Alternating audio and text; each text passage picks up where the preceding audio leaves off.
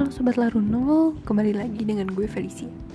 Nah, gue pengen nanya nih, siapa yang masih produktif bekerja di tengah-tengah pandemi COVID-19 ini? Bagi kalian yang masih WFH ataupun harus bekerja di kantor, tetap semangat dan gak boleh cemas nih.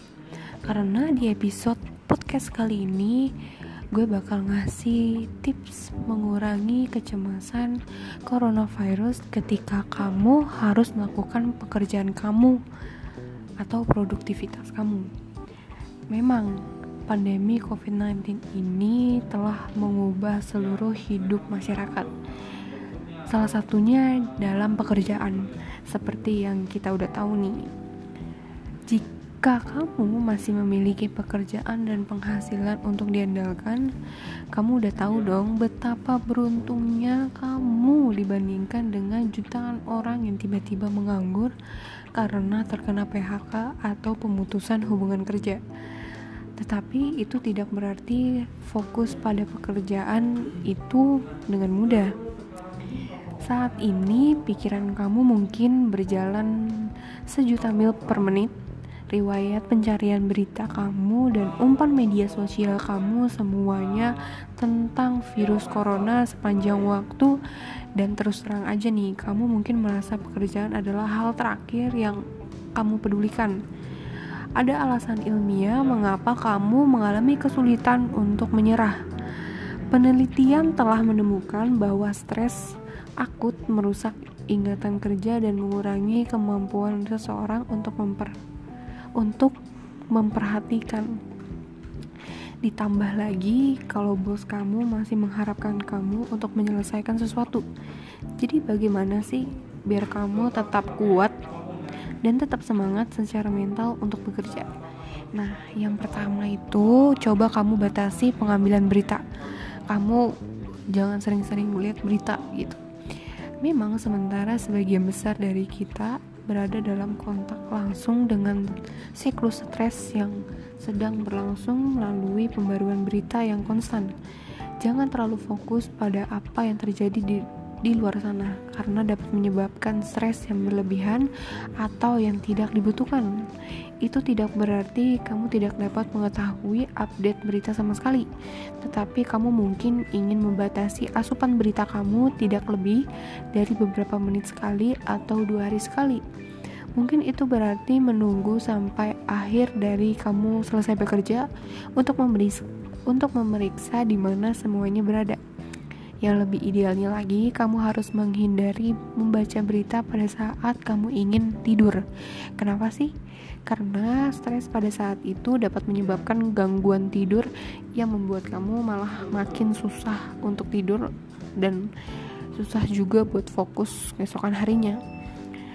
Sepanjang sisa hari kamu, lakukanlah kegiatan yang membuat hari-hari kamu lebih menyenangkan atau melakukan hal-hal yang kamu senangi, seperti mendengarkan musik, membaca buku yang kamu sukai, novel-novel komik. Maka dari itu, kamu akan terhindar dari stres yang berlebih karena keadaan yang terjadi saat ini. Yang kedua, coba kamu tetapkan rutinitas kamu, walaupun di tengah-tengah pandemi kayak gini. Orang akan berkembang jika ia melakukan jadwal dan rutinitas yang sesuai. Bangunlah pada tepat yang Bangunlah pada waktu yang sama seperti pada biasanya kamu lakukan untuk bekerja dan lakukan aktivitas pada pagi hari seperti biasanya.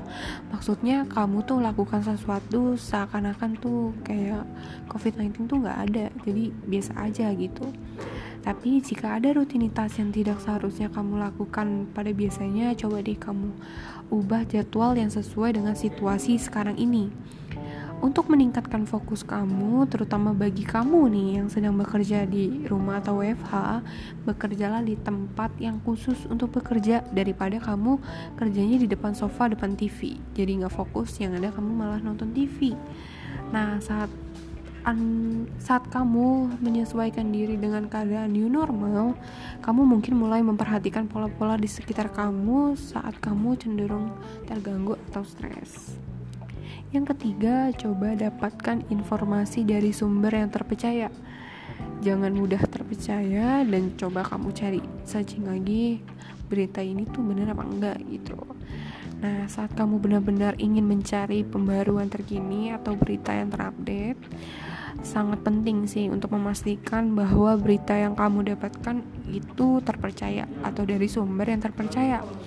Ada banyak penipuan informasi yang beredar karena penyebaran informasi yang salah hanya berfungsi untuk meningkatkan kebingungan dan kepanikan kamu. Pilihlah akses-akses informasi yang terpercaya menurut kamu. Jangan mudah untuk percaya pada hal-hal yang belum terbukti kebenarannya. Pastikan kamu memiliki beberapa sumber informasi terpercaya agar terbukti bahwa informasi tersebut dapat lebih kamu percaya. Tetapi jika informasi terbaru membuat kamu malah jadi tambah cemas atau stres, maka kamu coba dikurangi akses informasi atau berita. Dan keempat ada selalu berpikir positif positif thinking aja nih jangan over jangan overthinking. Emang di situasi seperti ini mem belum pernah terjadi. Maksudnya gini memang situasi COVID-19 ini belum pernah terjadi sebelumnya. Tetapi coba ingat deh uh, apa namanya coba coba kamu ingat tidak kamu aja nih yang berada di situasi yang kayak gini. Tapi kamu harus tapi semuanya nggak merasakan situasi yang kayak gini gitu. Jadi nggak kamu doang nah coba kamu lakukan kegiatan yang positif untuk diri kamu Memang saat ini jarak menjadi salah satu kendala dalam bertemu dengan siapa pun.